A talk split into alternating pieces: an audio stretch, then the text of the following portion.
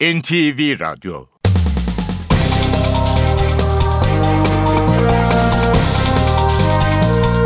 İşe Giderken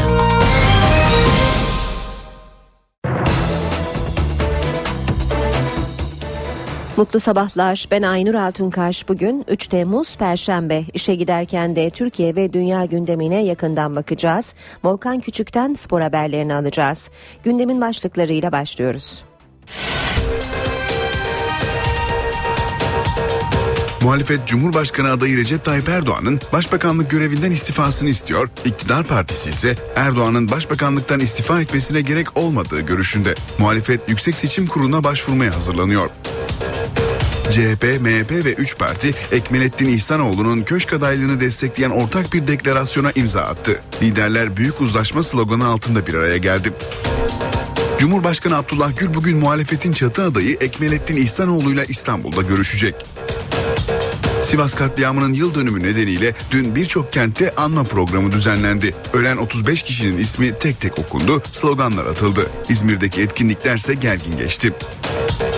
Bugün Mısır'daki askeri darbenin birinci yıl dönümü. Ülke genelinde geniş katılımlı protesto gösterilerinin düzenlenmesi bekleniyor. Yolsuzluk iddiaları nedeniyle hakkında soruşturma başlatılan Fransa'nın eski Cumhurbaşkanı Nicolas Sarkozy katıldığı televizyon programında suçsuz olduğunu söyledi. İşe Giderken gazetelerin gündemi.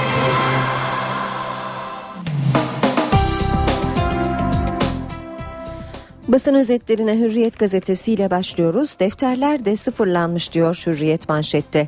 Soma faciasının bilirkişi ön raporunda da bahsedilen ve dijital kayıtlarla örtüşmediği vurgulanan kayıt defterlerine ulaşılmış defterlere göre facia sırasında bile değerler normal diyor ve söz konusu defterden bir sayfayı okurlarla paylaşıyor Hürriyet gazetesi. Devam edelim yine Hürriyet'ten 5 parti lideri imzaladığı büyük uzlaşma. CHP, MHP, DSP, BTP ve DP liderleri Ankara'da Ekmelettin İhsanoğlu'nun adaylığını destekleyen deklarasyona imza attı. Demirtaş Madımak'ta ezilenlerin yanındayız. HDP'nin Cumhurbaşkanı adayı Selahattin Demirtaş Madımak'ı anmak için Sivas'ta buluşan insanların omuz omuza görüntüsünün en büyük mesaj olduğunu belirtti. 28 Ağustos'a kadar isim yok. Başbakan Erdoğan'ın kurmaylarına Cumhurbaşkanlığı seçimi bitene kadar başbakanlık için isimler ortaya atmak partiye ihanet olur. Partide iki başta yönetim olmayacak dediği öğrenildi. Milliyet gazetesiyle e, devam edelim basın özetlerine. Acı gerçek kamerada diyor Milliyet öldürülen kurtla ilgili yeni görüntüler ortaya çıktı. Uğur Kurt'un ölümüne yol açan silahı ateşleyen polis memurunun arkadaşlarının sıkma bekle uyarısına aldırmadığı belirlendi. Katliam geliyorum demiş diyor Milliyet bir başka başlıkta. Ankara'da önceki gün kendisini karakola şikayet etmeye giden eski sevgilisi Şengül Ö ve ablası Nuray Ağa'yı kurşun yağmuruna tutan polis Bircan T'nin geçen yıl psikolojik destek aldığı ve silahına 6 ay el konulduğu ortaya çıktı. Tabanda kafa karışıklığı yok. Büyük uzlaşma töreninin ardından CHP lideri Kılıçdaroğlu'yla konuşulmuş. Cumhurbaşkanı adayı olarak Ekmelettin İhsanoğlu tercihinin ardından partide başlayan tartışmaya ilişkin Serpil Çevikcan'ın sorusunu şöyle yanıtlıyor Kılıçdaroğlu. Tabanda hiçbir kafa karışıklığı yok. Sandığa gidenler elini vicdanına koyup oy kullanacak. Torba yasada 3 sürpriz. AK Parti torba tasarıya 3 sürpriz önerge ekledi. Paralel yapıyla mücadele için Türk Silahlı Kuvvetleri, Emniyet ve Jandarmadan atılanların mahkeme kararıyla dönmelerinin önü kapatılacak. Milli Eğitim Bakanlığı ve ÖSYM'nin sınavlarında mahkemelerin yürütmeyi durdurma kararı vermesinin önü kesilecek. Engelliler hakim olabilecek. Devam ediyoruz basın özetlerine işe giderken de istifam gerekmez. Cumhurbaşkanı adayı Erdoğan'ın il başkanları toplantısı ve MKYK'da muhalefetin köşk seçimi sürecinde başbakanın istifa etmesi gerekir eleştirisine yönelik istifa etmeme gerek yok mesajı verdiği ortaya çıktı. Sabah gazetesine bakalım. Değişim tamam sıra dönüşümde. İşte Erdoğan'ın kampanya mesajı diyor Sabah. Erdoğan'ın Cumhurbaşkanlığı kampanyasındaki yol haritası ve sloganının ana teması dönüşüm olacak. Kupanın yıldızı Amerika kalecisi efsane oldu. Belçika'ya 2-1 yenilen Amerika Birleşik Devletleri'nde Tim Howard 2 gol yese de 16 kurtarışla kupa rekoru kırdı. 35 yaşındaki oyuncu hakkında sosyal medyada 1 milyon 845 bin mesaj atıldı. Cumhuriyet gazetesi Suriye düşürmedi diyor manşette. CHP'li Gürsel Tekin'den 2012'de iki pilotun şehit edilmesiyle ilgili çarpıcı iddia.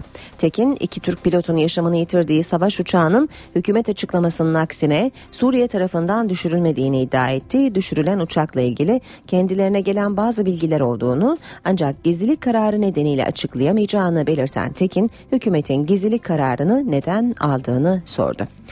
Madımak'ta yakılarak katledilen 35 can e, anıldı. Sivas'ta 21 yıl önce Madımak Oteli'nde yakılarak katledilen 33 aydın ve sanatçıyla iki otel görevlisi e, görevlisi on binlerce yurttaş tarafından anıldı. Anma törenlerine Roboskili aileler ve Somalı maden işçilerinin yanı sıra HDP eş genel başkanları Demirtaş ve Yüksekdağ, CHP lideri Kılıçdaroğlu'nun eşi Selvi Kılıçdaroğlu, HDP ve CHP milletvekilleriyle Türkiye Barolar Birliği Başkanı Metin Feyzioğlu da katıldı. Açıklamalarda yobaz yaktı, devlet baktı, yargı akladı vurgusu öne çıktı. Devam ediyoruz Habertürk gazetesiyle millet ilk kez First Lady de seçecek. Türkiye 10 Ağustos'ta ilk kez bir cumhurbaşkanı için sandık başına giderken Çankaya Köşkü'nün yeni First Lady'sini de seçmiş olacak. Cumhurbaşkanı adaylarının eşlerini tanıtıyor Habertürk gazetesi. Emine Erdoğan, Tayyip Erdoğan 36 yıldır evli, siyasette en tecrübeli aday eşi, pek çok kadının rol modeli, Erdoğan'ın siyasette mücadele yoldaşı, siyasi kariyeri boyunca hep Erdoğan'ın yanındaydı. Füsun İhsanoğlu Profesör Ekmelettin İhsanoğlu ile 42 yıldır evli. Eczacı, 3 oğlu var. Uluslararası organizasyonlarda eşi Ekmel Bey'e eşlik ediyor. Başak Demirtaş, Selahattin Demirtaş'la 12 yıldır evli, öğretmen iki kızı var. Demirtaş'ın siyasi kariyerinde pek ön plana çıkmadı. Başbakan D şimdi yaşlılara bakıyor. Vergi kaçakçılığından hapis cezası kamu hizmetine çevrilen eski İtalya Başbakanı Berlusconi'nin bakım evindeki görüntüleri ilk kez televizyonda yayınlandı. 77 yaşındaki Silvio beyaz önlükle hizmet veriyor.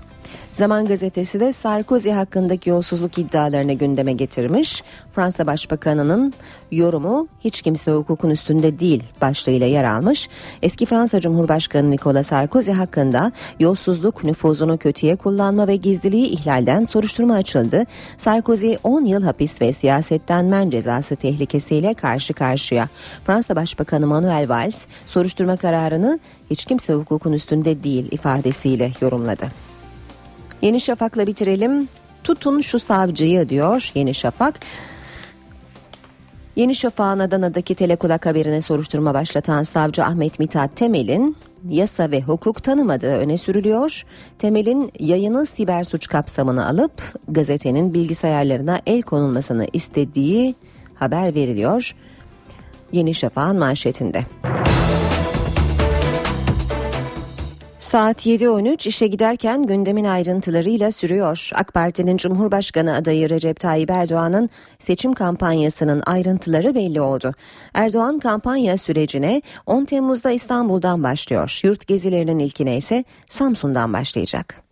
Türkiye Cumhuriyeti'nin 12. Cumhurbaşkanı adayı Genel Başkanımız, Başbakanımız İstanbul Milletvekili Recep Tayyip Erdoğan AK Parti'nin Cumhurbaşkanı adayını açıklamasının ardından gözler seçim sürecine çevrildi. Recep Tayyip Erdoğan'ın kampanyası İstanbul'dan başlatılacak. Aynı toplantıda Cumhurbaşkanlığı seçimi vizyon belgesi de açıklanacak. Türkiye'de 12 yıla yakın başbakanlık yapmış olan bir lider şu anda Türkiye'de Cumhurbaşkanı adayı oluyor. Elbette halka bir vizyon belgesiyle çıkması gerekiyor. Hukuk derken ne anlıyoruz? İnsan hakları derken ne anlıyoruz? Demokrasinin standartları derken ne anlıyoruz? Bunların tabii ki orada yer alması gerekiyor. Başbakan yurt gezilerine ise Samsun'dan başlayacak. AK Parti kurmayları ilk durak olarak Atatürk'ün Kurtuluş Savaşı'nı başlattığı Samsun'un seçilmesinin tesadüf olmadığının altını çiziyor. Başbakanın ikinci durağı ise 6 Temmuz Pazar günü Erzurum olacak. Erzurum Kongresi'nin milli mücadeledeki yerine atıfla ikinci program için Erzurum'un tercih edildiği belirtiliyor. Erdoğan adaylık sürecinde 40'tan fazla ilde miting yapacak. AK Parti MKYK toplantısında da tüm bu süreç ele alındı. Parti sözcüsü Hüseyin Çelik'e Erdoğan sonrası AK Parti senaryoları soruldu. Bizde hiçbir zaman bu manada kardeş kavgası da olmadı, saltanat kavgası da olmadı. Bir küsüşme olur mu, bir ayrışma olur mu beklentisi içinde olanlar boşuna burada e, kendileri için gelecek aramasınlar. Onlara buradan gelecek çıkmaz. Başbakan Tayyip Erdoğan'ın Cumhurbaşkanı adaylığının açıklanmasının ardından siyasette yeni bir tartışma başladı. Tartışmanın taraflarından muhalefet Erdoğan'ın başbakanlık görevinden istifa etmesi gerektiğini söylüyor. Hükümet kanadı ise aksi görüşte. Başbakan diyor ki gemileri yaktım diyor. Gemileri yaktıysan, yiğitsen, mertsen o zaman başbakanlıktan istifa et. Sayın Başbakan da istifa etmeyecek, boşuna kendinizi yormayın. AK Parti'nin Cumhurbaşkanlığına Başbakan Recep Tayyip Erdoğan'ı aday göstermesi yeni bir tartışmanın da fitilini ateşledi. Muhalefete göre Başbakan görevinden istifa etmedi. İstifa etmesi tabii ki gerekiyor. Milletvekilliğinden değil ama başbakanlığından istifa etmesi gerekiyor. Başbakan veya önemli görevde birisi de olsa etik olarak adaylık kesinleştiği an istifa etmesi gerekir. İktidar Partisi ise Erdoğan'ın başbakanlıktan istifa etmesine gerek olmadığı görüşünde. Türkiye'deki yasal mevzuat ortadadır. Ee, Sayın Başbakanımızın bu yasal mevzu, mevzuat çerçevesinde e, eğer milletimiz teveccüh eder, kendisini seçerse 28 Ağustos gününe kadar yani Cumhurbaşkanlığı görevini devralacağı güne kadar partimizin genel başkanı ve başbakan olarak devam etmesinde hiçbir yasal sakınca yoktur. Kendi kendimizi kandırmayalım. Bugüne kadar dünyada da bunun bir örneği yoktur. Türkiye'de de bunun bir örneği yoktur. Sayın Başbakan'ın başbakanlıktan istifa etmesi gerektiğine dair ne bir anayasa hükmü var, ne bir yasa hükmü var, ne de bir yüksek seçim kurulu kararı var. Yüksek Seçim Kurulu yayınladığı genelgede aday olduğunda görevden ayrılması gerekenler arasında başbakanı saymadı. Muhalefet şimdi önce YSK'ya başvuru yapmaya hazırlanıyor. Anayasa Mahkemesi'ne başvuruda değerlendiriliyor. CHP, MHP ve 3 parti Ekmelettin İhsanoğlu'nun köşk adaylığını destekleyen ortak bir deklarasyona imza attı. Liderler büyük uzlaşma sloganı altında bir araya geldi. sadece bir kesimi değil herkesi temsil eden tarafsız bir cumhurbaşkanı olacağına güvenimiz tamdır. Beş siyasi parti bu ifadelerin yer aldığı ortak deklarasyonla Ekmelettin İhsanoğlu'na destek verdi. Ortak deklarasyon metni için İhsanoğlu'na aday gösteren CHP ve MHP'nin genel başkanları ve desteğini açıklayan DSP, DP ve BTP'nin liderleri büyük uzlaşma sloganının altında bir araya geldi. Ardından üzerinde uzlaşılan deklarasyon metni okundu. İhsanoğlu'nun Atatürk ilkelerini ve Cumhuriyet'in temel değerlerini milli manevi mirasımızla birleştiren, özgürlükçü, laiklik ilkesi ve kadın erkek eşitliğine bağlı kalacak, kamplaştıran değil, uzlaştıran bir cumhurbaşkanı olacağına inancımız tamdır. Devlet Bahçeli, Kemal Kılıçdaroğlu, Masum Türker, Gültekin Uysal ve Haydar Baş daha sonra deklarasyon metnini imzaladı. Beş partinin temsilcileri Perşembe günü Yüksek Seçim Kurulu'na giderek çatı aday İhsanoğlu için resmi başvuruyu da yapacaklar. Cumhurbaşkanı Abdullah Gül bugün muhalefetin çatı adayı Ekmelettin İhsanoğlu ile İstanbul'da görüşecek. Görüşme saat 14.30'da Tarabya'daki Cumhurbaşkanlığı konutunda olacak. İhsanoğlu bugün Türkiye Sanayici ve İş Adamları Derneği'ni de ziyaret edecek. CHP Ankara Milletvekili Emine Ülker Tarhan, Cumhurbaşkanı adayı olması için başlatılan girişimleri ve Ekmelettin İhsanoğlu için neden imza vermediğini değerlendirdi. Partisinin değerlerine inandığı için imza vermediğini söyleyen Tarhan, disipline verileceksem hazırım dedi. Tarhan açıklamasında partisinin Cumhurbaşkanı adayı belirleme sürecini eleştirdi. Gücünü demokrasiden alması gereken bir partide adayın tespit yöntemi demokratik şeffaf değildi dedi. Ekmelettin İhsanoğlu ismini medyadan öğrendiğini belirten Tarhan, toplum siyahla gri arasında seçim yapmaya zorlanmamalı, ben kırmızıyım diyenlere de seçenek sunulmalıydı ifadelerini kullandı. HDP'nin Cumhurbaşkanı adayı Selahattin Demirtaş seçim kampanyasına İstanbul'dan başlayacak. Kampanyanın ayrıntıları pazartesi yapılacak Merkez Yürütme Kurulu'nda belirlenecek. Kampanyanın Ramazan'a denk gelen bölümleri iftar saatlerinden sonra Ramazan bayramının ardındansa gündüz yapılacak. Kampanya için hazırlanan broşürler Türkçe ve Kürtçe olarak basılacak. TÜSİAD Başkanı Haluk Dinçer Ankara'daydı, temaslarda bulundu. Kendisine Başbakan Erdoğan'ın Cumhurbaşkanlığı adaylığı soruldu. Sayın Başbakan'ın kararını hayırlı olsun diyoruz. TÜSİAD olarak tüm adaylara eşit mesafedeyiz. Kim seçilirse seçilsin seçimlerden sonra Türkiye'deki bu toplumsal kutuplaşmayı azaltıcı adımlar atılmasını, atmasını diliyoruz. TÜSİAD'dan Başbakan Recep Tayyip Erdoğan'ın Cumhurbaşkanlığı adaylığına ilk tepki geldi. TÜSİAD'ın yeni yönetim kurulu başkanı Haluk Dinçer kutuplaşma uyarısı yaptı. Seçilecek Cumhurbaşkanı'nda aradıkları özellikleri anlattı. Uzlaşmacı, uzlaştırıcı bir tutum izlemesini arzu ediyoruz Sayın yeni Cumhurbaşkanımızın. Türkiye'de diyalog ortamını, çok seslik ortamını ve gerçek demokrasinin oturması için liderlik göstermesini arzu ediyoruz. Muharrem Yılmaz'ın istifasının ardından TÜSİAD Yönetim Kurulu Başkanlığı'na seçilen Dinçer, Ankara'da nezaket ziyaretlerinde bulundu. İlk durağı Enerji ve Tabi Kaynaklar Bakanlığı oldu. Bakan Taner Yıldız'la görüştü. TÜSİAD heyeti daha sonra CHP lideri Kemal Kılıçdaroğlu'nu ziyaret etti. Görüşmede Cumhurbaşkanlığı seçimi başta olmak üzere gündemdeki konularında ele alındığı belirtildi. Dinçer ve beraberindeki heyet Ankara'da Dışişleri Bakanı Ahmet Davutoğlu, Bilim, Sanayi ve Teknoloji Bakanı Fikri Işık ve MHP lideri Devlet Bahçeli'yi de ziyaret etti. Cumhurbaşkanlığı seçimi için seçmen listeleri muhtarlıklarda askıya çıkarıldı. Yüksek Seçim Kurulu Başkanı Sadi Güven, adresini değiştiren seçmenlerin işlemlerini bulundukları illerde yapabileceklerini açıkladı. Seçmen kayıtları Yüksek Seçim Kurulu'nun internet sitesinden de sorgulanabiliyor. Muhtarlıklardaki listeler 9 Temmuz çarşamba saat 17'ye kadar askıda kalacak. Bu tarihe kadar adresini değiştirmek isteyen seçmenler işlemlerini bulundukları yerdeki il nüfus müdürlüklerinde yapabilecek.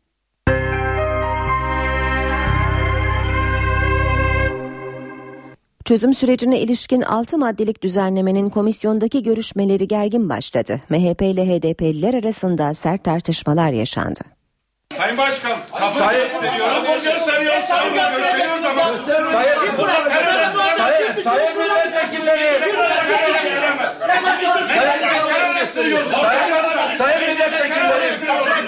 Ben başkan olarak gündem Çözüm sürecini yasal zemine oturtan paketin meclis mesaisi sert tartışmalarla başladı.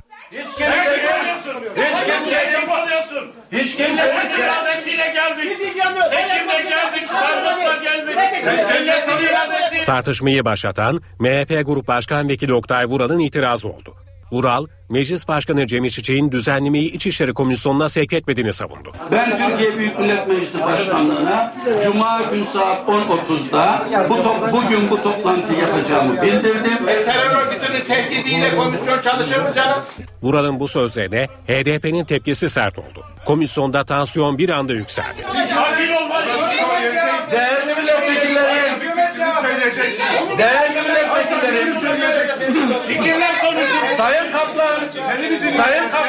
CHP ve MHP düzenlemenin anayasaya aykırı olduğunu, çözüm sürecinin aktörlerine geleceğe yönelik suç işleme hakkı verildiğini ileri sürdü. MHP'nin bu eleştirisine Başbakan Yardımcısı Beşir Atalay yanıt verdi. Bir hukuk devletinde çözüm süreci çerçevesinde görevin ifası niteliği taşıyan faaliyetler nedeniyle kişilerin hukuki, cezai ve idari yönlerden sorumlu tutulma tehdidi altında kalmaları kabul edilemez. Atalay çerçeve yasanın ardından yeni düzenlemelerinde gelebileceğini söyledi.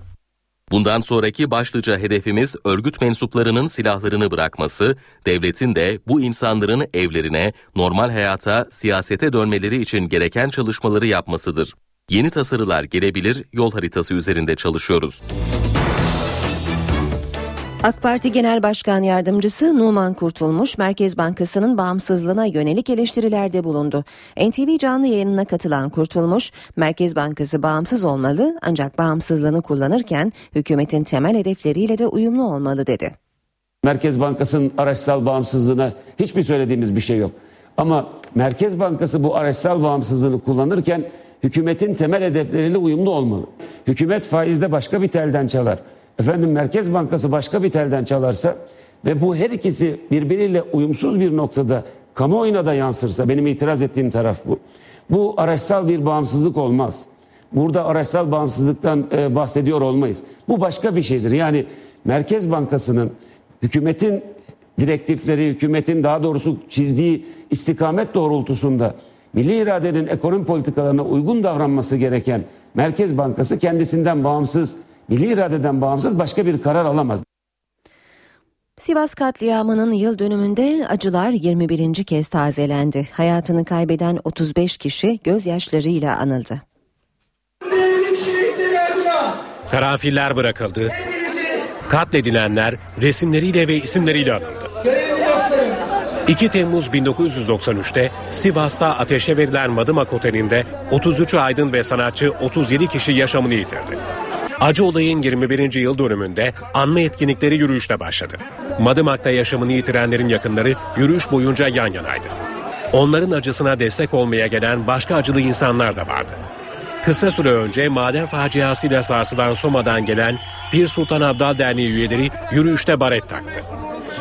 Uludere'deki hava harekatında ölen 34 kişinin yakınları da Sivas'taydı. HDP'nin Cumhurbaşkanı adayı Selahattin Demirtaş birlik mesajı verdi. Bugün Soma'da burada, Roboski de burada, Gezi de burada, Berkin'in yoldaşları da burada. Bundan daha büyük bir mesaj olamaz.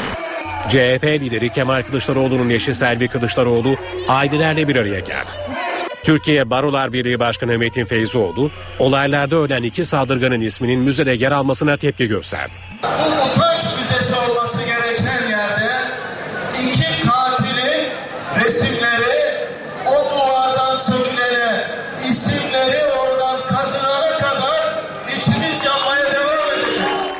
Yürüyüş otelin önünde sona erdi. Ancak aileler olayda ölen iki saldırganın isimlerinin de yazılı olması nedeniyle müzeye girmedi. Etkinlikte zaman zaman gergin anlar da yaşandı. CHP'li gençler de ezilenlerin Sosyalist Partisi üyesi bir grup arasındaki olaylar çok büyümeden önlendi. Anma etkinlikleri nedeniyle kentte geniş güvenlik önlemi alındı. Polis kent girişlerinde kimlik kontrolü yaptı. 17 ilden 2500 polis görev yaptı. Sivas katliamının yıl dönümü nedeniyle dün birçok kentte anma programı düzenlendi. Ölen 35 kişinin ismi tek tek okundu, sloganlar atıldı. İzmir'deki etkinliklerse gergin geçti. Yürüyüş yapmak isteyen gruba polis izin vermedi. Yürüyüş yapmak isteyen gruba polis müdahale etti. İzmir Basmane'de toplanan grup Sivas katliamının yıl dönümü nedeniyle Konak Meydanı'na doğru yürüyüşe geçti. Ancak kalabalık polis barikatıyla karşılaştı. Gruba biber gazı ve basınçlı suyla müdahale edildi. Çıkan olayda aralarında HDP İzmir İl Eş Başkanı Cavit Uğur'un da bulunduğu 9 kişi gözaltına alındı. Unuttunuz mu ey halk? Katliamın yıl dönümünde Ankara'da da anma programı düzenlendi. Etkinliklerin adresi Kolej Meydanı oldu. CHP ve HDP başta olmak üzere çok sayıda siyasi parti, meslek örgütü ve sivil toplum kuruluşlarının destek verdiği etkinlikte türküler söylendi. Balıkesir'de Demokrasi Platformu üyeleri Yeşilli Meydanı'nda toplandı. Saygı duruşunda bulunuldu. Ölen 35 kişinin ismi tek tek okundu. Canik. Kocaeli'de bir grup Sivas'ın ışığı sönmeyecek pankartıyla Cumhuriyet Parkı'na yürüdü. Tunceli'de ise Cemevi bahçesinde anma etkinliği yapıldı. Pir Sultan Abdal heykelinin önüne 35 karanfil bırakıldı.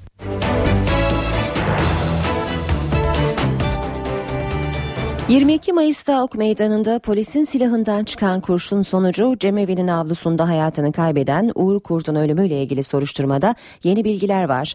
Milliyet Gazetesi'nin haberine göre... ...yeni ortaya çıkan polis kamerası görüntüleri... ...soruşturmaya farklı bir boyut katacak. Görüntülere göre akrep aracına molotof kokteyli isabet etmesinin ardından... ...ateş açılmasından birkaç saniye önce...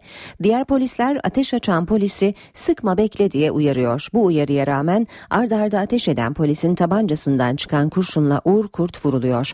Akrep aracına isabet eden Molotov karşı sokaktan gelmesine rağmen SK'nin bu sokağa doğru değil cemevi'nin de olduğu aşağıdaki sokaktan yola Molotov atan göstericilere doğru ateş etmesi de dikkat çekiyor. Bu sırada uzaktan cemevi'nin bahçesinde Uğur Kurt'un yere düştüğü de görülüyor. Kurt'un vurulmasının ardından bir vatandaş polislere bağırarak tepki gösteriyor. Polislerin ise kusura bakma amca tamam hakkını helal et dediği duyuluyor. Uğur Kurt Ok Meydanı Cemevi'ndeki bir cenaze törenindeyken göstericilerle polis arasında çıkan olaylar sırasında vurulmuştu. Berkin Elvan'ın cenazesinin defnedildiği gün Ok Meydanı'ndaki olaylarda öldürülen Burakcan Karamanoğlu ile ilgili iddianame savcıya iade edildi. Gerekçe iddianamedeki çelişkiler. Burakcan Karamanoğlu ile ilgili dosyada eksik soruşturma yapıldığı iddia edildi. Çarpıcı tespit savcılık iddianamesini inceleyen 13. Ağır Ceza Mahkemesi'nden geldi. Burakcan Karamanoğlu, Berkin Elvan'ın cenazesinin defnedildiği gün Ok Meydanı'nda çıkan olayda başına isabet eden kurşunla hayatını kaybetti. cinayetle ilgili iki kişi gözaltına alındı. İddianamede zanlılara örgüt üyeliği atfedildi. Ancak mahkemeye göre bu iddia delillerle desteklenmiyor. Mahkemenin başka itirazları da var. Bu silahın kim tarafından kullanıldığı belirli değil olay esnasında. Ee, ama her iki şüpheli de bu silahı kullanan kişi olarak geçiyor. Sanki aynı anda bu silahı kullanmışlar gibi. Aynı iddiayla tutuklular. Bu hukuken mümkün değil. Zanlardan Volkan Gezer'in avukatı Günayda balistik raporunun da dikkate alınmadığını söylüyor. Rapora göre Burakcan doğrudan değil seken bir kurşunla vuruldu. Ancak bu tespit rapora girmedi. Bu ne demek? Bu merminin doğrudan maktulü öldürme kastıyla yani onu hedef alarak ateş edilmiş bir silahtan çıkmadığını gösteriyor. Yani sekme sonucu vücuda isabet ettiğini gösteriyor. Dolayısıyla bu suçun vasfını, suçun nitelendirmesini değiştirebilecek nitelikte bir e, tespit. Savcı mahkeme kararına itiraz ederse dosya bir üst mahkemeye gidecek. Eğer itiraz kabul edilirse mahkemenin tespit ettiği eksikliklerin giderilmesi için çalışma yapılacak.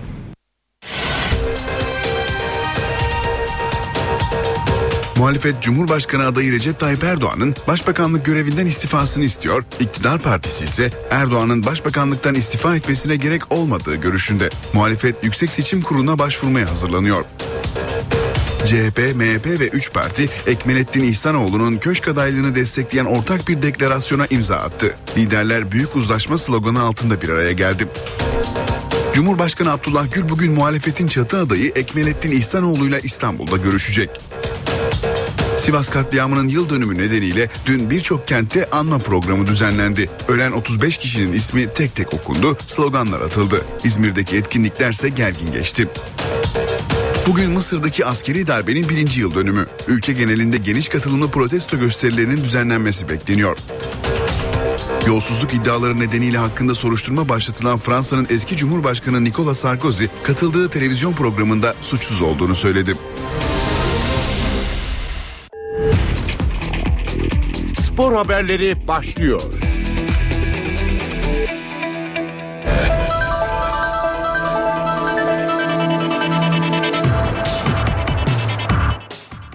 Beşiktaş yeni sezon hazırlıklarını yaptığı tek antrenmanla sürdürdü. Siyah beyazlılarda izni sona eren Atiba, Atiba da kampa katıldı. Yeni sezon hazırlıklarını Almanya'da sürdüren Beşiktaş çalışmalarına devam ediyor. Siyah beyazlar günü hafif bir antrenmanla tamamladı. Çalışmanın ilk bir saatlik bölümünde oyuncular sadece ayak tenisi oynadı.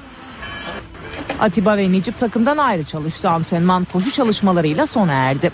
Antrenmana belinde ağrı olan kaleci Cenk Gönen katılmadı. Buradan kesiyor şu an. Futbolcular içi soğuk su dolu kovalara girerek rahatlamaya çalıştılar. Benim Öte yandan efor testlerinde en iyi dereceleri İsmail Köybaşı'nın yapması teknik heyeti memnun etti.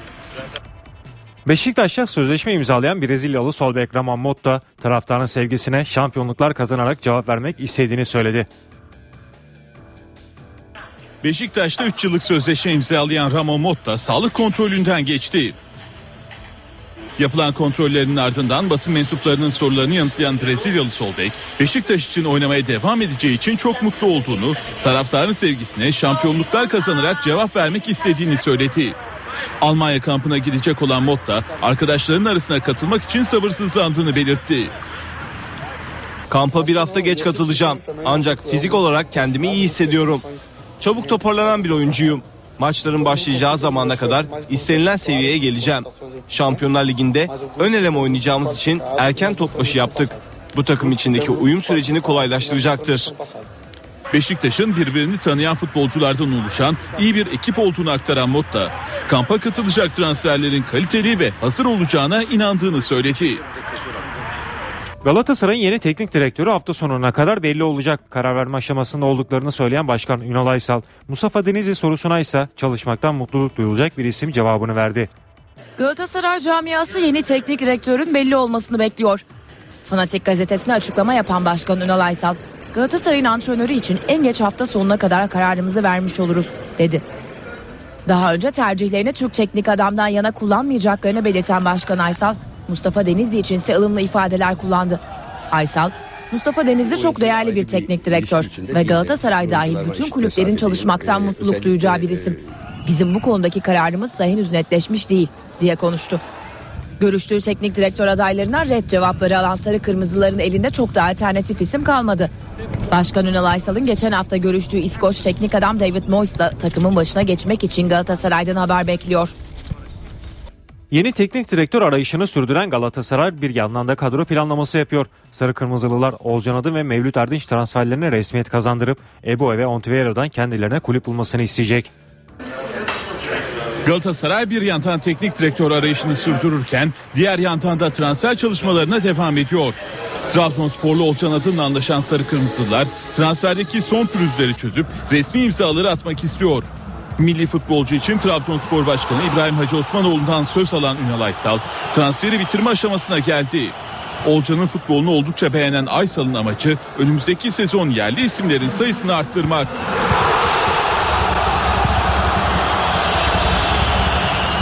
Olcan Atın'ın ardından Mevlüt Erdinç transferini de sonlandırmak isteyen Galatasaray, golcü futbolcunun bonservis bedeli konusunda pazarlıklarını sürdürüyor. Mevlüt'ü 5 milyon eurodan aşağı satmak istemeyen Saint Etienne'e Dani takasını öneren Sarı Kırmızılar Fransız kulübüne farklı seçenekler de sunacak. Geçtiğimiz günlerde İstanbul'a gelen ve Galatasaray adasında yemek yiyen Mevlüt de artık transferin gerçekleşmesini istiyor. Galatasaray ayrıca Dünya Kupası sonrası tatile çıkan Şecu'nun yanı sıra önümüzdeki günlerde İstanbul'a gelecek olan Ontivero ve Ebu ile de görüşmeler yapacak. Şecu için yeni teknik direktörün raporunu bekleyecek olan Sarı Kırmızılar Ontivero ve Ebu ile ise yolları ayıracak. Yabancı kuralından dolayı elindeki fazla yabancı futbolcuları göndermeyi planlayan Galatasaray, Avusturya kampı sonrası dış transfere ağırlık verecek. Trabzonspor Vahit Halilosic'i bekliyor. Bordo Mavililerle prensip anlaşmasına varan deneyimli teknik adamın 14 Temmuz'da Trabzon'da olması bekleniyor. Vahit Halilozdic Trabzonspor için kolları sıvadı. Bordo Mavili kulüple prensip anlaşması sağlayan deneyimli teknik adam yeni sezon için transfer çalışmalarına başladı. Cezayir milli takımının Dünya Kupası'ndan elenmesinin ardından Fransa'ya giden Halilozdic burada Trabzonspor kulübünün CEO'su Burak Gürdal'la bir araya gelecek. İkili takımla yollarını ayıran yabancı futbolcuların yerlerine gelecek isimleri belirlemek için fikir alışverişinde bulunacak. Hallozic beraberinde getireceği teknik heyet ve takımın kamp yapacağı yerler konusunda da çalışmalarını sürdürüyor. Deneyimli teknik adam bunları da yönetime rapor halinde verecek. Hallozic'in resmi imza için 14 Temmuz'da Trabzon'da olması bekleniyor. Diğer yandan Bordo Mavili yönetim Mark Yanko ile yollarını ayırıyor. Avusturyalı futbolcuyla önümüzdeki hafta karşılıklı yapılacak görüşme sonrasında sözleşmeler feshedilecek. Sivas Spor Fenerbahçeli Christian Barone'yi kadrosuna katmak istiyor. Kırmızı beyazlı ekip Brezilyalı futbolcuyu kiralama yoluyla transfer edecek. Sivas Spor Christian Baroni için devrede. Yeni sezonda üst sıraları zorlayacak bir kadro kurmak için kolları sıvayan Sivas Spor, Fenerbahçe'nin gözden çıkardığı Christian Baroni'yi transfer etmek için girişimlerini sürdürüyor. Teknik direktör Roberto Carlos özellikle kadrosunda görmek istediği vatandaşı Baroni'ye takımın liderliğini ve oyun kurucu görevini verecek. Sivasspor'un Christian transferindeki tek engelse oyuncunun yıllık 1.9 milyon euroluk ücreti. Kırmızı Beyazlılar 31 yaşındaki futbolcuyu kiralama yoluyla kadrosuna katacak. Christian Baroni'yi transfer etmek isteyen bir diğer takımsa Brezilyalı'nın eski takımı Corinthians. Aile düzenini İstanbul'da kuran ve burada mutlu olan Christiansa Türkiye'de kalmaya sıcak bakıyor. Spor Toto Süper Lig'in yeni takımlarından İstanbul Başakşehir Anzi'den Moldovalı stoper Aleksandro Epurianu ile 3 yıllık sözleşme imzaladı. Süper Lig'in yeni takımı İstanbul Başakşehir transferlere devam ediyor. İstanbul Başakşehir, Uğur Uçar, Raşko Rotman, Ferhat Öztorun ve Volkan Babacan'ın ardından kadrosunu Moldovalı stoper Aleksandro Epurianu ile güçlendirdi. Teknik direktör Abdullah Avcı'nın raporu doğrultusunda transfer çalışmalarını sürdüren İstanbul Başakşehir 28 yaşındaki oyuncuyla 3 yıllık sözleşme imzaladı. Başakşehir stadında düzenlenen törene transfer komitesi üyeleri Ahmet Ketenci ve Mesut Altan da katıldı. Atılan imzaların ardından konuşan Epuriano, futbol oynamak için çok iyi bir takıma geldiğini, transferinden dolayı memnuniyet duyduğunu söyledi. Futbola Moldova takımı Zimbru'da başlayan Epuriano sonrasında Şerif, Moskova, Dinamo Moskova ve Anzi Malaçkale takımlarında oynadı. 39 kez Moldova milli takım forması giyen 28 yaşındaki stoper bu sezon Anzi'de 26 maçta 3 gol attı. İspanya'da düzenlenecek 2014 Dünya Kupası'nda mücadele edecek A milli basketbol takımının 21 kişilik aday kadrosu açıklandı. Nihai kadro ise hazırlık çalışmalarının ardından belli olacak. A milli basketbol takımının 30 Ağustos 14 Eylül tarihleri arasında İspanya'da düzenlenecek Dünya Kupası'na katılacak aday kadrosu açıklandı. Baş antrenör Ergin Ataman C grubunda mücadele edecek Ay Yıldızlıların nihai kadrosunu hazırlık çalışmalarının ardından belirleyecek. 10 Temmuz'da Çeşme'de hazırlık kampına girecek olan milli takımın 21 kişilik aday kadrosunu Anadolu Efes'ten Birkan Batuk, Kerem Gönlüm, Cedi Osman ve Doğuş Balbay, Beşiktaş'tan Mehmet Yağmur, Fenerbahçe Ülker'den Melih Mahmutoğlu, Oğuz Savaş ve Emir Prezic, Galatasaray Live Hospital'dan Sinan Güler, Ender Arslan, Cenk Akyol ve Furkan Aldemir, Pınar Karşıyaka'dan Barış Ersek, Royal Alı Gaziantep Basketbol'dan Barış Ermiş, TED Ankara Kolejlerden Berkay Candan, Tofaş'tan Serhat Çetin, Evren Büker ve Samet Geyik, Türk Telekom'dan Kerem Tunçeri, Husri Rockets'tan Ömer Aşık ve Utah Jazz'dan Enes Kanter çağrıldı. Milwaukee Bucks forması giyen Ersan İlyasova sakatlığı nedeniyle kadroda yer almazken ameliyat olan Enes Kanter'in kadroda yer alıp çalışmalara yetişmesi bekleniyor. Dünya Kupası'nda Hırvatistan'la Kamerun arasında oynanan maçta şike yapıldı şeklindeki iddialar gündemdeki yerini koruyor. İddiaları gündeme taşıyan Alman Der Spiegel dergisi haberlerinin arkasında olduklarını belirtti. Dünya Kupası'nda Kamerun'da Hırvatistan arasında oynanan karşılaşmada şike yapıldığına dair iddialarda bulunan Singapurlu bahisçi Wilson Raj Perumal açıklamalarının çarpıtıldığını dile getirdi. Perumal, Derşipikel muhabiriyle maçta şike yapıldığına dair yaptığı konuşmanın maç öncesi değil maç sonunda gerçekleştiğini söyledi. Alman Der Spiegel dergisine yayınlanan haberde Perumal'in maçın başlamasına saatler kala karşılaşmayı Hırvatistan'ın 4-0 kazanacağı ve ilk yarıda Kamerun'un bir oyuncusunun kırmızı kart göreceği yönde bir mesaj paylaştığı belirtilmişti. Der Spiegel dergisi kendilerini yalanlayan Perumal'e bir yanıt verdi. Haberlerinin arkasında olduklarını belirten dergi yönetimi, Singapurlu bahisçinin maçta şike yapıldığına dair iddialarını mücadele öncesinde öne sürdüğünü açıkladı. Barcelona Luis Suarez transferi için düğmeye bastı. Basına yansıyan iddialara göre iki takım yöneticileri Londra'da transfer görüşmelerine başladı. Barcelona Luis Suarez transferini gerçekleştirmek için harekete geçti. Hem İspanyol hem de İngiliz basınına yansıyan haberlere göre Katalan ekibi Uruguaylı forveti renklerine bağlamak için Liverpool'la görüşmelere başladı. İddialar iki takım yöneticilerinin Londra'da bir araya gelip transferin detaylarını görüştüğü şeklinde. Liverpool'la 4 yıl daha sözleşmesi bulunan Suarez için İngiliz ekibinin 80 milyon sterlin bonservis bedeli isteyeceği belirtiliyor. Barcelona'nın ise en fazla 60 milyon sterlini kasasından çıkarabileceği ifade ediliyor. Katalan kulübünün bu transferi gerçekleştirebilmek için Şilili yıldız Alexis Sanchez'i takasta kullanabileceği de basına yansıyan iddialar arasında. İtalya-Uruguay maçında Chiellini'yi ısırdığı gerekçesiyle FIFA'nın 4 ay futboldan men cezası verdiği Luis Suarez, Kasım ayı başına dek formasını giydiği takım adına sahaya çıkamayacak, antrenmanlara katılamayacak ve statlara giriş yapamayacak. Bu haberle spor bültenimizin sonuna geldik. Hoşçakalın. NTV Radyo Günaydın herkese yeniden işe giderken haberlerle yeniden karşınızdayız. Birazdan Gökhan'a buradan son hava tahminlerini alacağız. Önce gündemin başlıkları. Muhalefet Cumhurbaşkanı adayı Recep Tayyip Erdoğan'ın başbakanlık görevinden istifasını istiyor. İktidar partisi ise Erdoğan'ın başbakanlıktan istifa etmesine gerek olmadığı görüşünde. Muhalefet Yüksek Seçim Kurulu'na başvurmaya hazırlanıyor. CHP, MHP ve 3 parti Ekmelettin İhsanoğlu'nun köşk adaylığını destekleyen ortak bir deklarasyona imza attı. Liderler büyük uzlaşma sloganı altında bir araya geldi. Cumhurbaşkanı Abdullah Gül bugün muhalefetin çatı adayı Ekmelettin İhsanoğlu ile İstanbul'da görüşecek. Sivas katliamının yıl dönümü nedeniyle dün birçok kentte anma programı düzenlendi. Ölen 35 kişinin ismi tek tek okundu, sloganlar atıldı. İzmir'deki etkinliklerse gergin geçti. Bugün Mısır'daki askeri darbenin birinci yıl dönümü. Ülke genelinde geniş katılımlı protesto gösterilerinin düzenlenmesi bekleniyor.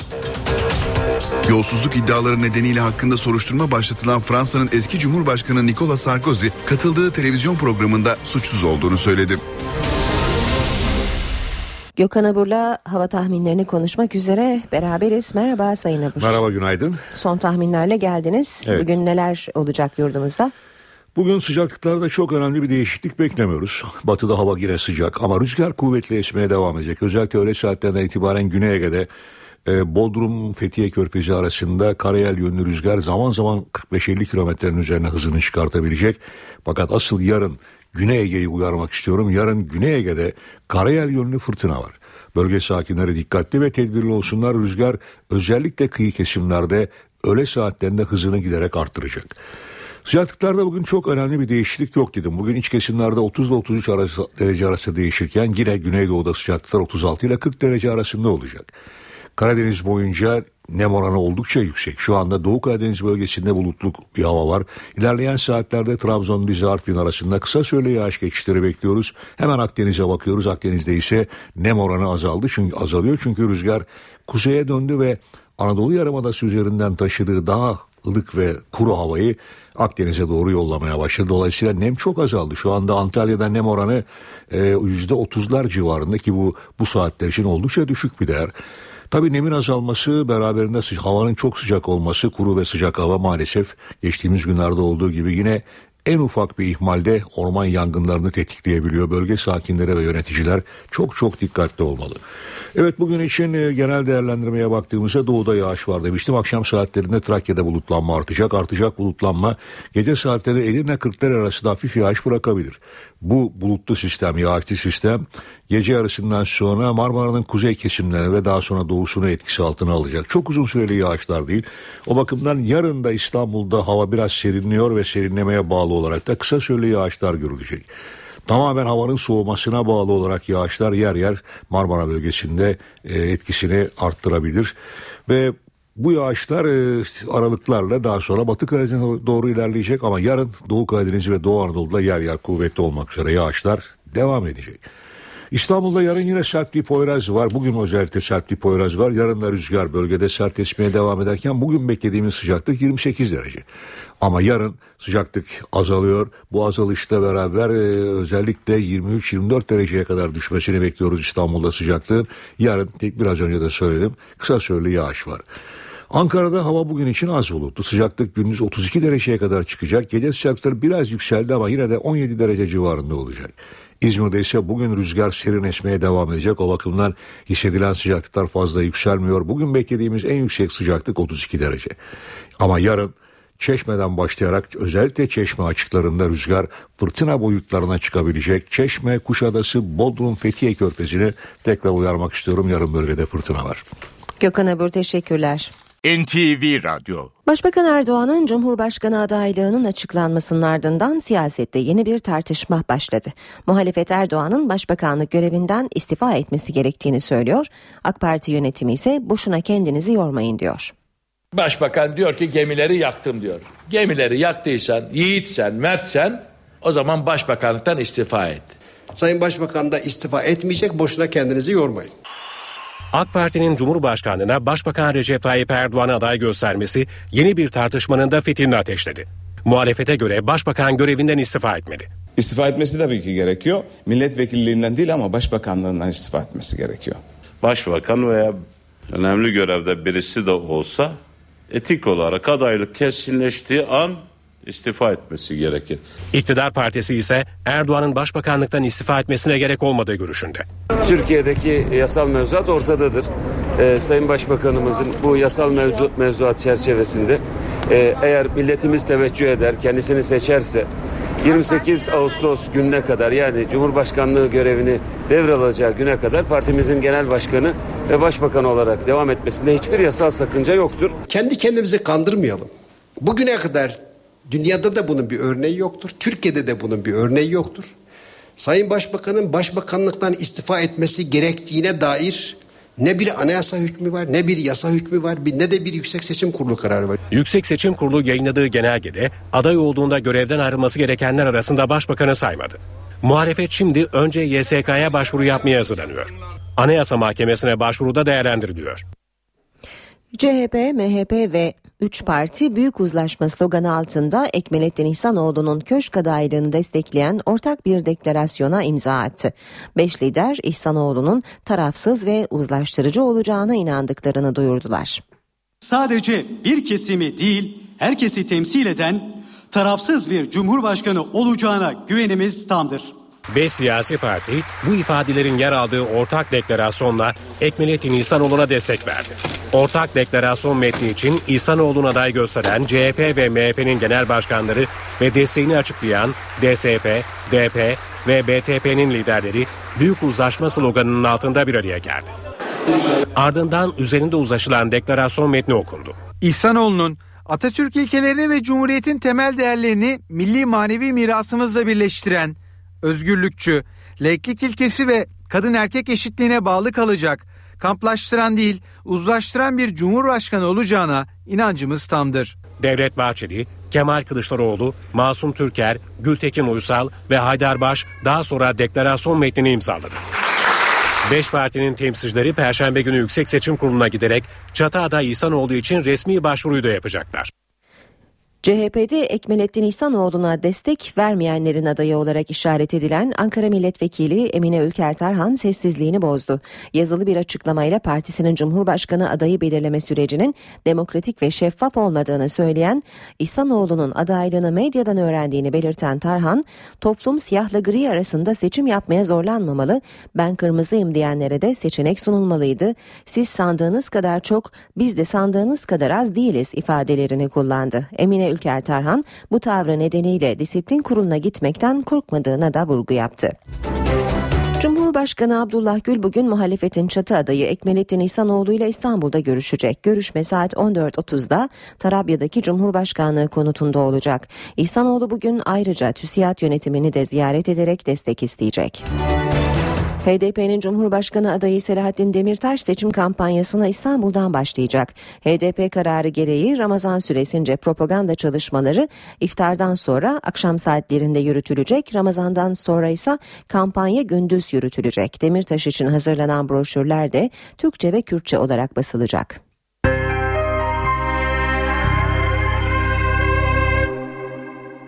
Bursa'nın Mudanya ilçesinde dün akşam iftar saatine 5 dakika kala ezan okundu. İlçe halkı orucunu 5 dakika erken açtı.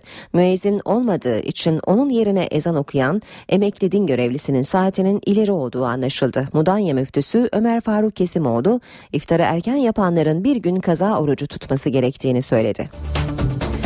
Kırklareli'de iftar için Ramazan topunu ateşleyen görevlinin parmakları koptu. 48 yaşındaki Yalçın Karagün iftar vakti topu ateşlemeye çalışıyordu. Fünyeyi ateşlemek için çakmağını çaktı ancak fünyenin kısa olması nedeniyle top birden patladı. Üç parmağı kopan Karagün dizinden ve yüzünden de yaralandı. Belediye görevlisinin kopan parmakları yerine dikildi.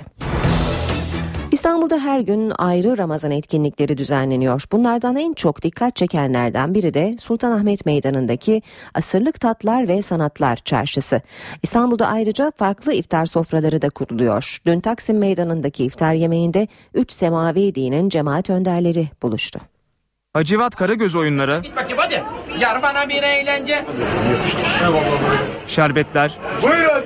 Osmanlı şerbetleri burada efendim. Ebru çalışmaları. Hepsi Sultanahmet Meydanı'ndaki Asırlık Tatlar ve Sanatlar Çarşısı'nda. Gerçekten çok yoğun bir ilgi var. Karagöz Bağcıvat gerçekten burada tekrardan kendini bir ilmi kazanmıştır. Biz geçen sene de gelmiştik. Bu sene de aynı şekilde. Ramazan'ın hani geleneksel tadını bir nebze olsun burası bize yaşatıyor. Sergiler gayet güzel, otantik. Çarşı İstanbullular kadar turistlerin de ilgisini çekiyor.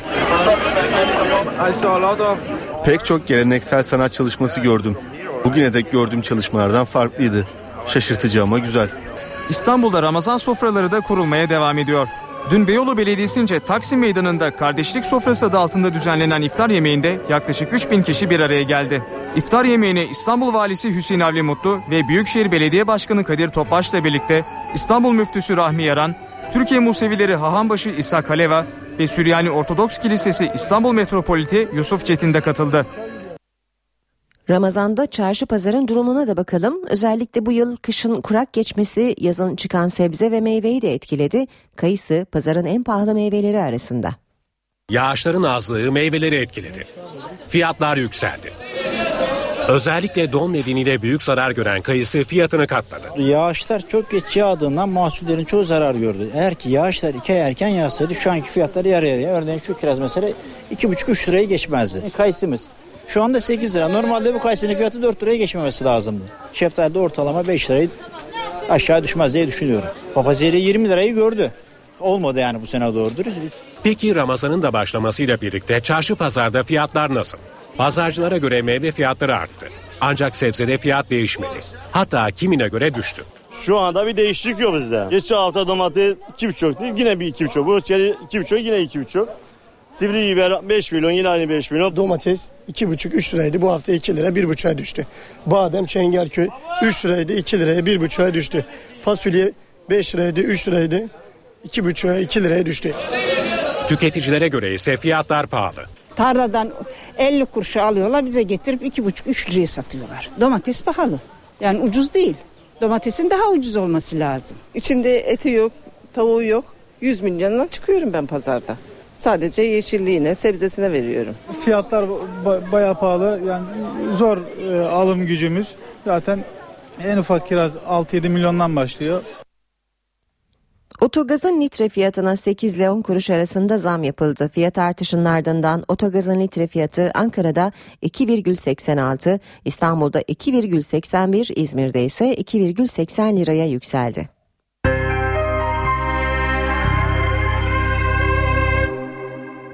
Antalya'nın turizm cenneti Adrasan'da hafta sonu çıkan orman yangınının bilançosu ağır oldu. Sabotaj ihtimali iddialar arasında. 250 bin ağacı küle çeviren yangın sonrasında bölgede piknik yapılması yasaklandı. Akdeniz'in ciğerleri alev alev yandı.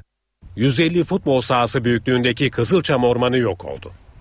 Antalya Adrasan'da hafta sonu çıkan yangının bilançosu ağır. 17 saat süren yangında 250 bin ağaç küle döndü. Yangına dikkatsiz piknikçilerin neden olduğu düşünülüyordu. Ancak sabotaj iddiası da gündeme geldi. Yani ben piknikçi ihtim- konusuna ihtimal vermiyorum. 10 dakika önce burada iki tane motosikletli girdi çıktı gibi bir ifade dedikodu halinde benim duyduğum gibi o bölgede insanlar da duyuyor. Diğer bir tartışma da yanan alanın imara açılıp açılmayacağı.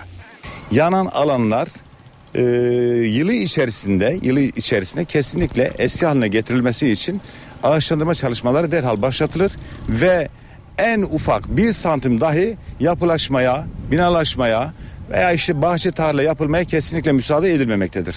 İşletme sahipleri ayrıca önlem alınmasını istiyor. Dağın eteklerinde e, ormanın seyreltilmesiyle ilgili bizim uyarılarımız bölge esnafı olarak e, olmuştu. Yangın sonrası bölgede piknik yapılması yasaklandı.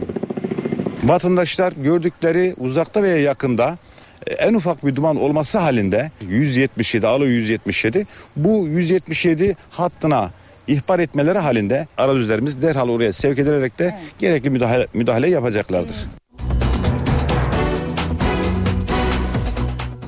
Muğla'nın Fethiye ilçesinde dünyaca ünlü iki plajın işletme hakkının yıllık getirisinin neredeyse dörtte birine devredildiği öne sürüldü. İhalenin iptal edilmesi için imza kampanyası başlatıldı. Fethiye'de Ölüdeniz ve Belcekız plajlarının işletmesinin yıllık getirisinden çok az bir fiyata devri tepkiye neden oldu. İhalenin iptali için imza kampanyası başlatıldı. Doğan Haber Ajansı'nın haberine göre Muğla'nın Fethiye ilçesinde il özel idaresinin %75 hissesine sahip olduğu bir şirket, Büyükşehir Kanunu gereğince Büyükşehir Belediye Başkanlığı'na devredildi. Ancak şirketin devredilmesinden 10 gün önce bünyesindeki işletmelerden Ölüdeniz kumsalındaki günübirlik tesislerin protokolleri feshedildi. İddiaya göre biri valilik, diğeri Şehircilik Bakanlığı'na bağlı iki vakıf %50 ortaklıkla bir şirket kurdu ve plajların kullanım hakkı bu şirkete verildi. Söz konusu firma 2 Haziran'da Ölüdeniz Kumsalı'nın ihale ilanını yayınladı. İhaleyi kazanan şirket plajları senelik 2 milyon 690 bin liraya 3 yıllığına devraldı. Ancak yılda yaklaşık 8 milyon lira gelir sağladığı belirtilen dünyaca ünlü plajların bu fiyata devri tepkiye neden oldu. Marmaris Turizm ve Çevre Gönüllüleri Derneği Başkanı Filiz Ersan, ihalenin iptal edilmesi için imza kampanyası başlattıklarını söyledi. Ulaştırma, Denizcilik ve Haberleşme Bakanı Lütfi Elvan, Ankara-İstanbul Yüksek Hızlı Tren Hattı'nın Temmuz ayının 11'inde açmayı planlan açılmasının planlandığını söyledi.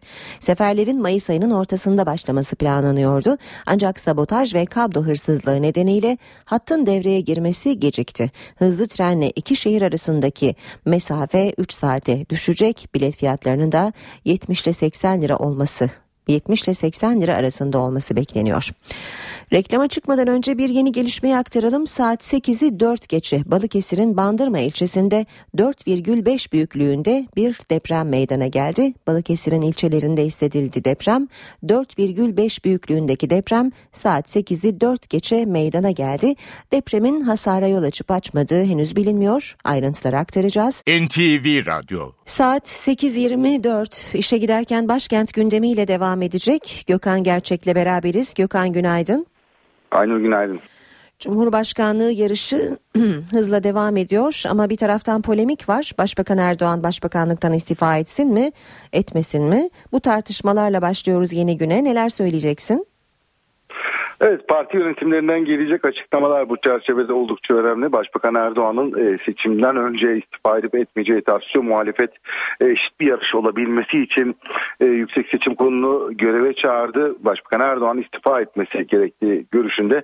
Bu konuda gelecek açıklamaları bugün de yakından dikkatle takip edeceğiz. Evet adaylar belli artık 10 Ağustos'ta yapılacak seçimler için yarış yavaş yavaş başlıyor. Başbakan Erdoğan AK Parti'nin Cumhurbaşkanı adayı onun programı henüz netleşmedi. Ekmelettin İhsanoğlu'nun programı belli. CHP, MHP'nin çatı adayı Ekmelettin İhsanoğlu e, Yozgat ve Nevşehir'in ardından bugün de İstanbul'da olacak oldukça önemli bir görüşmesi var.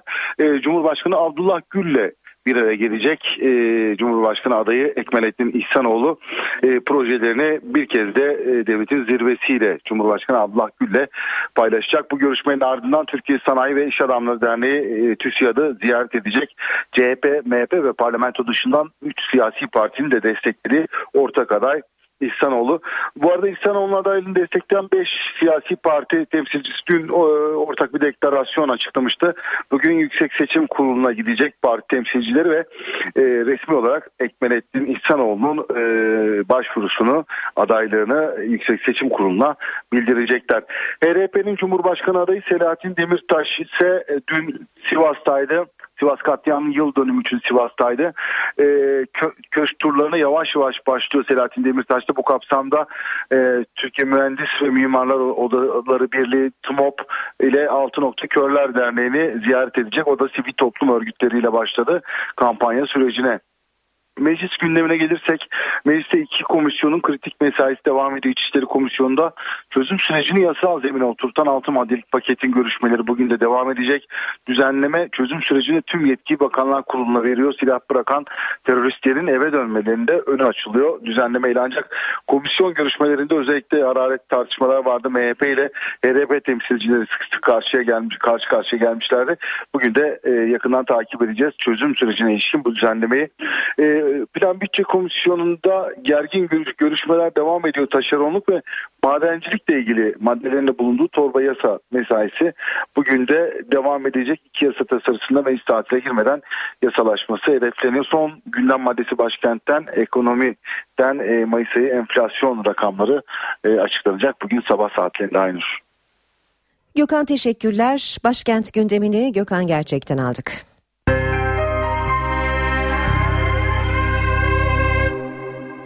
Ekonomi başlığından devam edelim. Profesör Doktor Güngör Uras bu sabah Ayşe teyzeye güneş enerjisinden bahsedecek.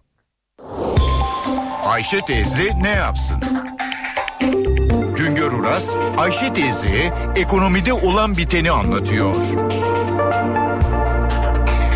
Merhaba sayın dinleyenler. Merhaba Ayşe Hanım teyze, merhaba Ali Rıza Bey amca. Nükleer enerjiye, kömürden ve doğal gazdan üretilen elektriğe karşı yenilebilir enerji kaynaklarından yararlanma arayışı giderek artıyor. Yenilebilir enerji kaynaklarının en önemlileri su, rüzgar ve güneş. Barajlarda toplanan suların veya akarsuların çevirdiği pervaneler ile elektrik elde ediyoruz. Rüzgarın çevirdiği pervaneler ile elektrik elde ediyoruz. Güneşi enerjiye dönüştüren paneller ile elektrik elde ediyoruz. Bugüne kadar Türkiye'de su ve rüzgara dayalı olarak elektrik enerjisi üretiminde epey yol aldık. Ama güneşe ilgi şimdilerde yeni yeni artmaya başladı. Türkiye bir güneş ülkesi ama güneşten enerji yaratmak için yapılacak yatırımların bir bedeli var ve bu yatırımlar da oldukça yüksek. Elektrik üreten kaynakların gücü watt ile ölçülüyor. 1000 watt bir kilowatt. 1000 kilowatt ise 1 megawatt ediyor. 1 megawatt denilen büyüklükteki güneş santralı 1 milyon 200 bin dolar dolayındaki bir yatırımla kuruluyor ve bu tür santrallarda yılda 1 milyon 600 bin kilowatt saat elektrik üretebiliyor. Türkiye'de 1 megawatt gücün altında güneş santralı kurmak için izin belgesine devletten lisans almaya ihtiyaç yok. 1 megawatt güç elektrik santralı gücü 500 evi aydınlatıyor.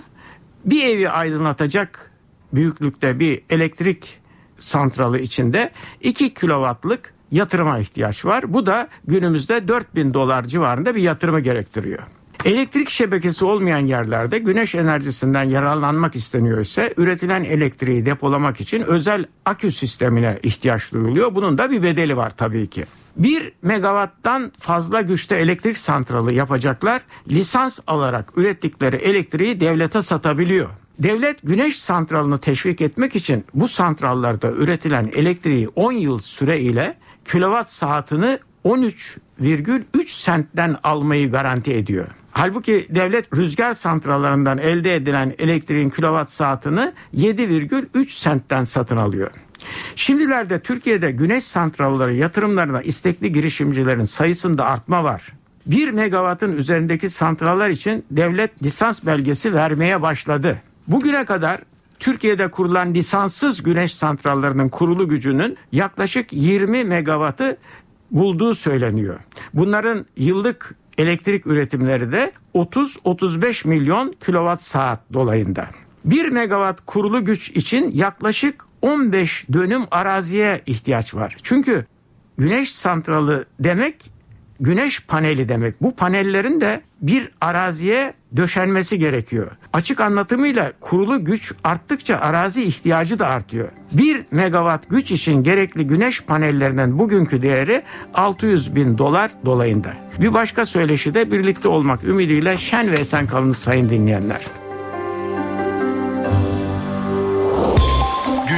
Uras'a sormak istediklerinizi ntvradio.ntv.com.tr adresine yazabilirsiniz.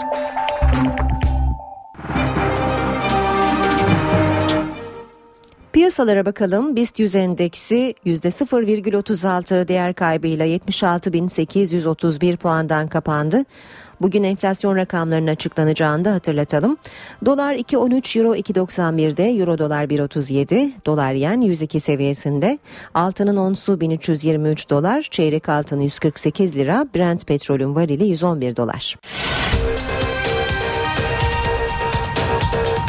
Muhalefet Cumhurbaşkanı adayı Recep Tayyip Erdoğan'ın başbakanlık görevinden istifasını istiyor. İktidar partisi ise Erdoğan'ın başbakanlıktan istifa etmesine gerek olmadığı görüşünde. Muhalefet Yüksek Seçim Kurulu'na başvurmaya hazırlanıyor.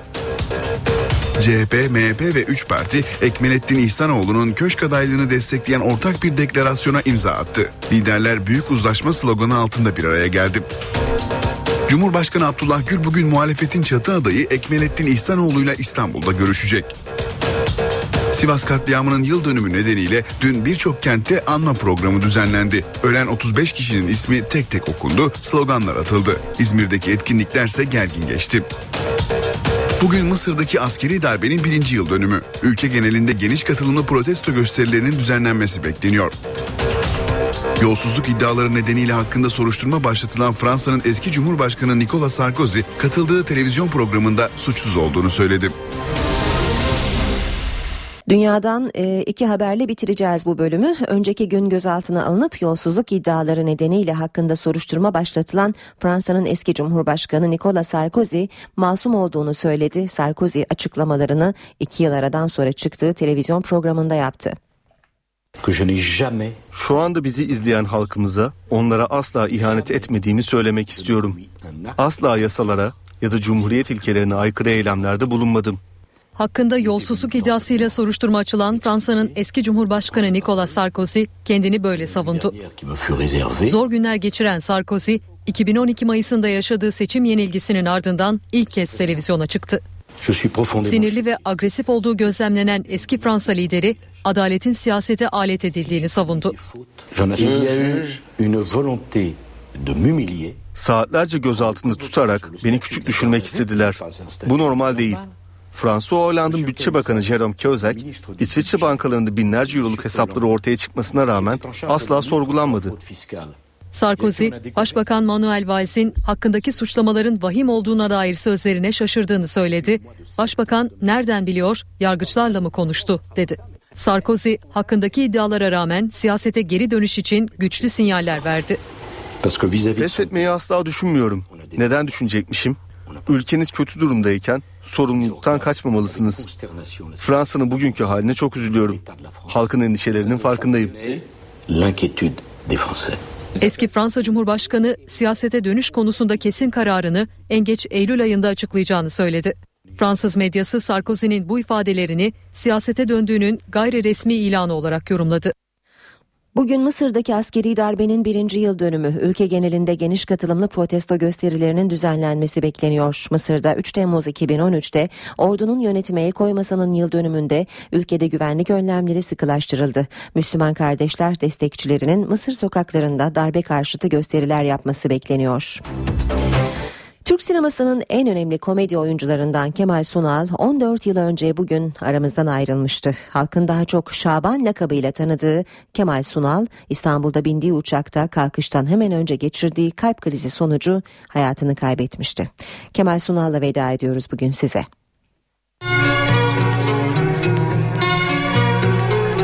Bu ne lan? Dengeri fötür şapkama ha. Ya bu ne lan? Hocam kalkamıyor. Neden? Gece şey olmuş da.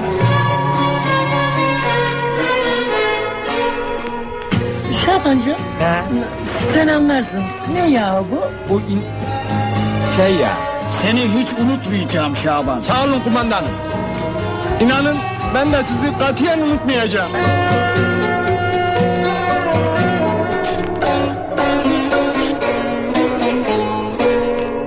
Ben sevda kuşuyum. Çık çık çık çık çık çık çık çık. Sevgilimi arıyor. Kızınız beni kalpten seviyor. Yıldırım aşkıyla tutuldu bana. Ben de sevilmeyecek adam değilim.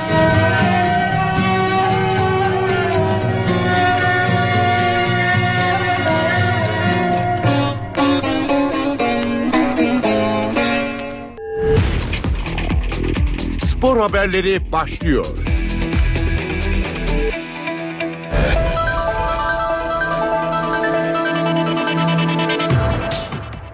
Beşiktaş'la sözleşme imzalayan Brezilyalı sol bek Rama Motta taraftarın sevgisine şampiyonluklar kazanarak cevap vermek istediğini söyledi. Beşiktaş'ta 3 yıllık sözleşme imzalayan Ramon Motta sağlık kontrolünden geçti. Yapılan kontrollerin ardından basın mensuplarının sorularını yanıtlayan Brezilyalı sol bek, Beşiktaş için oynamaya devam edeceği için çok mutlu olduğunu, taraftarın sevgisine şampiyonluklar kazanarak cevap vermek istediğini söyledi. Almanya kampına gidecek olan Motta, arkadaşlarının arasına katılmak için sabırsızlandığını belirtti. Kampa bir hafta geç katılacağım. Ancak fizik olarak kendimi iyi hissediyorum. Çabuk toparlanan bir oyuncuyum. Maçların başlayacağı zamana kadar istenilen seviyeye geleceğim. Şampiyonlar Ligi'nde ön eleme oynayacağımız için erken top yaptık. Bu takım içindeki uyum sürecini kolaylaştıracaktır. Beşiktaş'ın birbirini tanıyan futbolculardan oluşan iyi bir ekip olduğunu aktaran Motta, kampa katılacak transferlerin kaliteli ve hazır olacağına inandığını söyledi. Yeni sezon hazırlıklarını Almanya'da sürdüren Beşiktaş'ta Olcay Şahan ve Necip Uysal basını karşısına geçti. Kampın çok iyi geçtiğini belirten iki oyuncu geçen sezon haksız cezalar ve hakem kararlarıyla karşılaştıklarını ifade ettiler. Çok iyi bir arkadaşlık var şu an ve şu an önümüzde dört tane final maçı var e, eleme maçlarıyla. Onun için çok iyi hazırlanmak istiyoruz. Onun için de bütün e, şartlar çok güzel, zemin çok güzel. İyi çalışıyoruz ve inşallah böyle devam eder. Bazen düşünüyorum evet doğru. E, belki forvet arkası oynarsam daha verimli olabilir miyim diye. Hocam te- tercihi nasıl yaparsa takımın menfaati için nerede gerekiyorsam orada oynamayı tercih ederim. Çünkü sonuçta biz e, Beşiktaş kulübü için oynuyoruz. E, tabii ki e, bazen ihtiyaç e, bulundu ve birkaç maç ortada oynadım. Ben e, hücum, hücum tarafında e, solda da sağda da ortada da oynarım E, ve hepsinde de seve seve oynarım. Biz geçen sezon e, çok dalgalı bir sezon geçirdik. Ceza aldık, e, haksız yere cezalar aldık, haksız yere de hakem kararları aldık ama e, biz hep önümüze baktık, e, yolumuza devam etmek istedik ve e, sadece üçüncü olabildik. Bu sezon hepsini daha iyi yapmak istiyoruz. Taraftarımızın müthiş desteğiyle geçen sezon desteklerini gösterdiklerinde gördük ne yapabildiğimizi. Ee, bu sezon o yola devam etmek istiyoruz ve geçen sezondan daha başarılı olmak istiyoruz. Benim geçen yıldan bir sakatlığım, geçen sezondan bir sakatlığım vardı. Ee, onu atlatmak üzereyim. Ee, ben de e, bu kamp bu kampta takımla e, yer alacağımı düşünüyorum. Galatasaray'ın yeni teknik direktörü hafta sonuna kadar belli olacak. Karar verme aşamasında olduklarını söyleyen Başkan Ünal Aysal, Mustafa Denizli sorusuna ise çalışmaktan mutluluk duyulacak bir isim cevabını verdi. Galatasaray camiası yeni teknik direktörün belli olmasını bekliyor. Fanatik gazetesine açıklama yapan Başkan Ünal Aysal, Galatasaray'ın antrenörü için en geç hafta sonuna kadar kararımızı vermiş oluruz, dedi. Daha önce tercihlerini Türk teknik adamdan yana kullanmayacaklarını belirten Başkan Aysal, Mustafa Denizli için ise ılımlı ifadeler kullandı. Aysal, Mustafa Denizli çok değerli bir teknik direktör ve Galatasaray dahil bütün kulüplerin çalışmaktan mutluluk duyacağı bir isim. Bizim bu konudaki kararımız da henüz netleşmiş değil diye konuştu. Görüştüğü teknik direktör adaylarına red cevapları alan sarı kırmızıların elinde çok da alternatif isim kalmadı. Başkan Ünal Aysal'ın geçen hafta görüştüğü İskoç teknik adam David Moyes da takımın başına geçmek için Galatasaray'dan haber bekliyor. Trabzonspor Vahit Halilosic'i bekliyor. Bordo Mavililerle prensip anlaşmasına varan deneyimli teknik adamın 14 Temmuz'da Trabzon'da olması bekleniyor. Vahit Halilostic Trabzonspor için kolları sıvadı. Bordo Mavili kulüple prensip anlaşması sağlayan deneyimli teknik adam yeni sezon için transfer çalışmalarına başladı. Cezayir milli takımının Dünya Kupası'ndan elenmesinin ardından Fransa'ya giden Halil Ozic burada Trabzonspor kulübünün CEO'su Burak Gürdal'la bir araya gelecek. İkili takımla yollarını ayıran yabancı futbolcuların yerlerine gelecek isimleri belirlemek için fikir alışverişinde bulunacak. Hallozic beraberinde getireceği teknik heyet ve takımın kamp yapacağı yerler konusunda da çalışmalarını sürdürüyor. Deneyimli teknik adam bunları da yönetime rapor halinde verecek. Hallozic'in resmi imza için 14 Temmuz'da Trabzon'da olması bekleniyor. Diğer yandan Bordo Mavili yönetim Mark Yanko ile yollarını ayırıyor.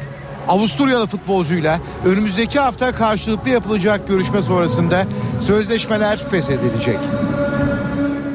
UEFA Tahkim Kurulu tarafından bir yıl Avrupa Kupalarına men cezası alan Eskişehir Spor bugün İsviçre'de sözlü savunmasını yapacak. NTV Spor'da yayınlanan Spor Merkezi programına katılan Başkan Mesut Hoşcan süreçle ilgili konuştu. Eskişehir Spor'un bu konuda e, isminin geçmemesine rağmen teknik direktörün e, bulunması, teknik direktöre e, isnat edilen suçlardan dolayı e, biz bu konuda e, bunun e, cevabını vermeye çalışıyoruz.